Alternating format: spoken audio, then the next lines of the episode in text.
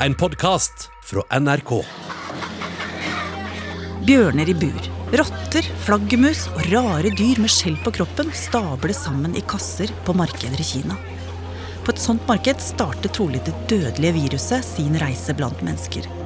Og det er ikke første, men andre gang det skjer på få år.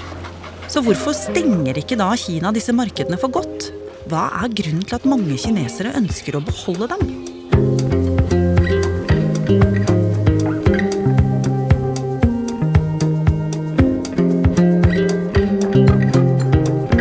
hører på Oppdatert. Jeg heter Ragna Nordenborg. Nå som vi har en koronakrise i verden, så synes jo veldig mange at det er helt ubegripelig at Kina ikke har stengt våtmarkedene sine for lenge siden. Gro Engen er journalist i NRK Nyheter og en av produsentene her i Oppdatert. Dette er utendørs eh, matmarkeder. Det er bur stablet oppå hverandre med forskjellige arter av dyr. Det kan være slanger over en kylling, over et lite beltedyr. Det er vått, og og derav navnet. Det er fordi det også er fisk i bakker rundt omkring som spreller og spruter. Og sammen med det vannet så er det jo også blod, ekskrementer og fjær som blander seg. Og all denne blandingen da, av dyr og slakting på stedet og trange bur oppå hverandre, det stresser disse dyrene. Og da svekker det immunforsvaret deres. Så på disse områder du har et stor samling av mange arter av dyr som i utgangspunkt burde ikke være der. Carlos Das Neves er direktør ved Veterinærinstituttet. Og dette fortalte han da han ble intervjuet av Ekko. Og det er akkurat på disse tett plass med mange dyr og mange mennesker at av og til så noen virusbakterier kan gå fra ville dyr til mennesker.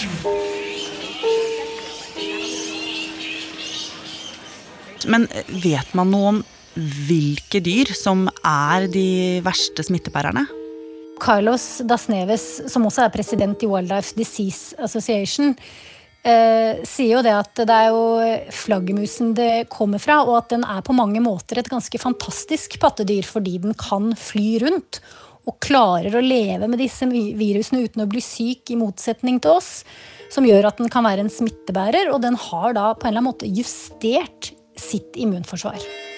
Det ser ut til at de har justert immunforsvarssystemet. Som gir dem mulighet til å ha virus uten å aktivere alle de mekanismer som vi f.eks. humaner har når vi blir smittet. Vi går i full fart i vår egen beredskap for å prøve å slå den agens. Og det er den av og til som også gjør oss sjuke. Så flaggermusene de tåler å ha masse forskjellige virus i kroppen fordi immunforsvaret ikke går til angrep. Og da blir de jo heller ikke syke. Men la oss se på hva som skjer i praksis. Flaggermusen bærer viruset med seg, men smitter ikke nødvendigvis direkte til mennesker. Derimot kan den ha smittet et annet dyr som er på dette markedet, f.eks. en snikekatt. Så blir denne snikekatten, som ingen mennesker egentlig skal være i berøring med fordi det er et vilt dyr, slaktet og solgt av en kjøpmann. Og så blir posen med snikekattkjøtt levert til kunden, og viruset har begynt å spre seg. Men Gro, hvem er det som vil at disse dyrene skal være mulig å få kjøpt i utgangspunktet?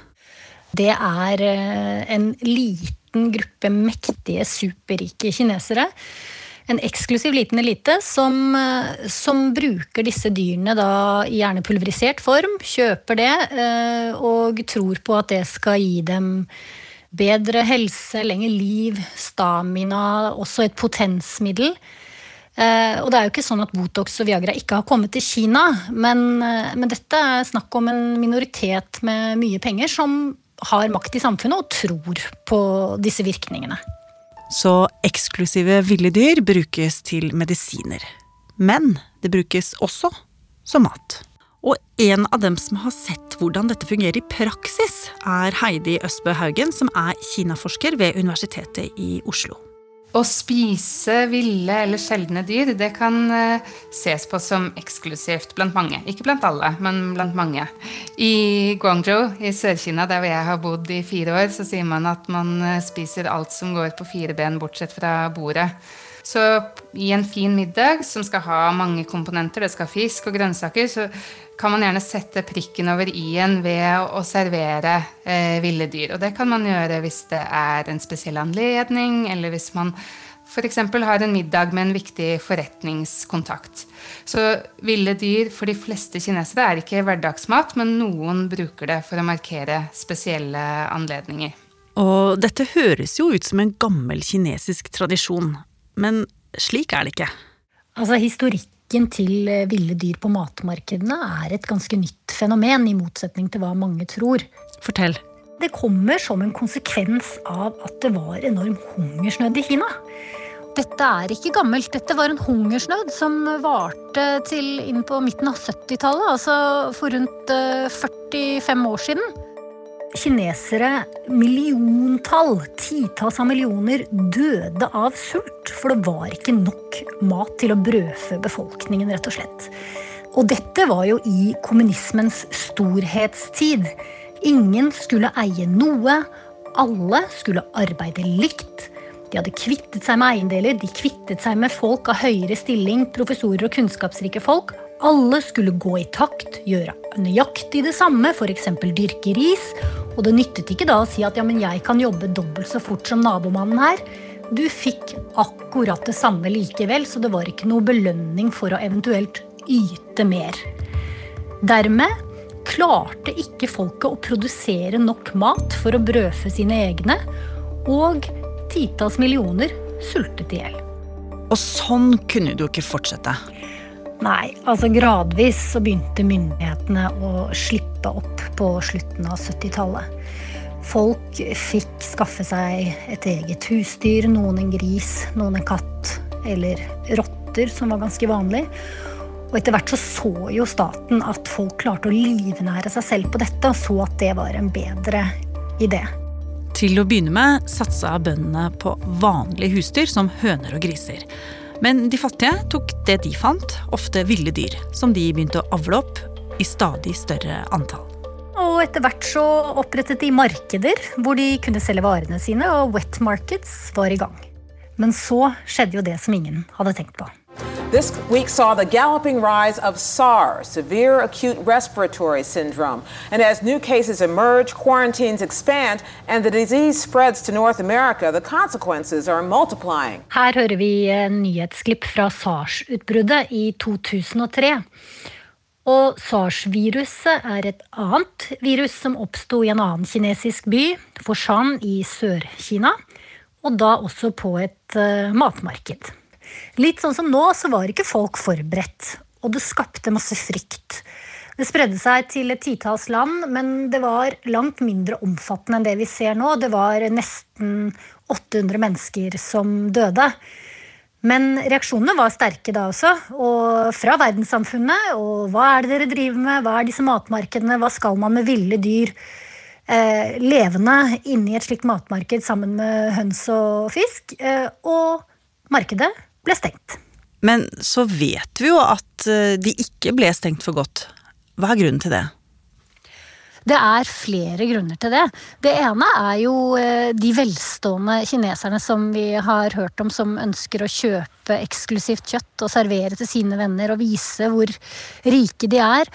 Og det andre er jo at dette her er jo en levevei og en måte å brødfø seg for veldig mange kinesere som kommer til disse markedene og selger dyrene sine. Det var jo skal ha vært over 50 ulike arter på dette Wuhan-markedet. Ok, så dette er jo på en måte ganske komplisert. Altså, det er veldig mange viljer, og det er veldig mange som er helt avhengig av å få solgt varene sine på disse markedene. Men hva er det egentlig som kommer til å skje med dem framover? Sannheten er at eh, det vet vi ikke helt. Ehm, det er kilder på at eh, kinesiske myndigheter nå vil stenge matmarkedene og for godt. Det er også kilder på at eh, de nå skal forby Eh, oppdrett og salg av ville dyr. Eh, ikke kommet noen liste på hvilke dyr dette er ennå, men det er også kilder som sier at dette er bare midlertidig stengning, sånn som vi så med SARS i 2003. Heidi Østbø Haugen, du som er Kina-forsker. Hva tror du vil skje? Kanskje vil ikke etterspørselen være så stor lenger, etter hvert som dyrevern står sterkere, eller man eh, ikke At man ser på det som litt harry å spise eller servere ville dyr. Mm. Men man kan også få det sånn at myndighetene klarer å, å, stenge disse markedene. Det kan de gjøre hvis de vil, og det har vi et eksempel på fra fugleinfluensaen igjen i Guangzhou, der hvor jeg bodde, som flere døde av, og som stadig kom opp i nye variasjoner og, og, smittet folk igjen. Hvor man sa at nå skal vi ikke lenger selge levende høns og kyllinger på markedene. Hmm. Og dette er en del av Kina hvor det er veldig viktig for folk å få blodfersk mat. At de, de, ønsker at maten skal være så fersk som mulig. Så jeg selv, akkurat som jeg ikke trodde at røykeloven ville virke i Italia, så trodde jeg ikke at man kom til å stoppe å selge levende høns på markedene. Hm. Men eh, da jeg var tilbake sist, så hadde det faktisk skjedd. Markedene selger ikke levende fugler. Man kjøper heller eh, kyllingkjøtt eh, er, og andekjøtt når det er ferdig slaktet og hengt opp, eller frossent. Så folk har støttet opp under det, bl.a. fordi de så at så mange liv gikk tapt til fugleinfluensaen. Så det fins håp? Det fins håp for dyrene på disse markedene, og for at vi skal finne ut eh, hvordan vi ikke får den typen smitte igjen.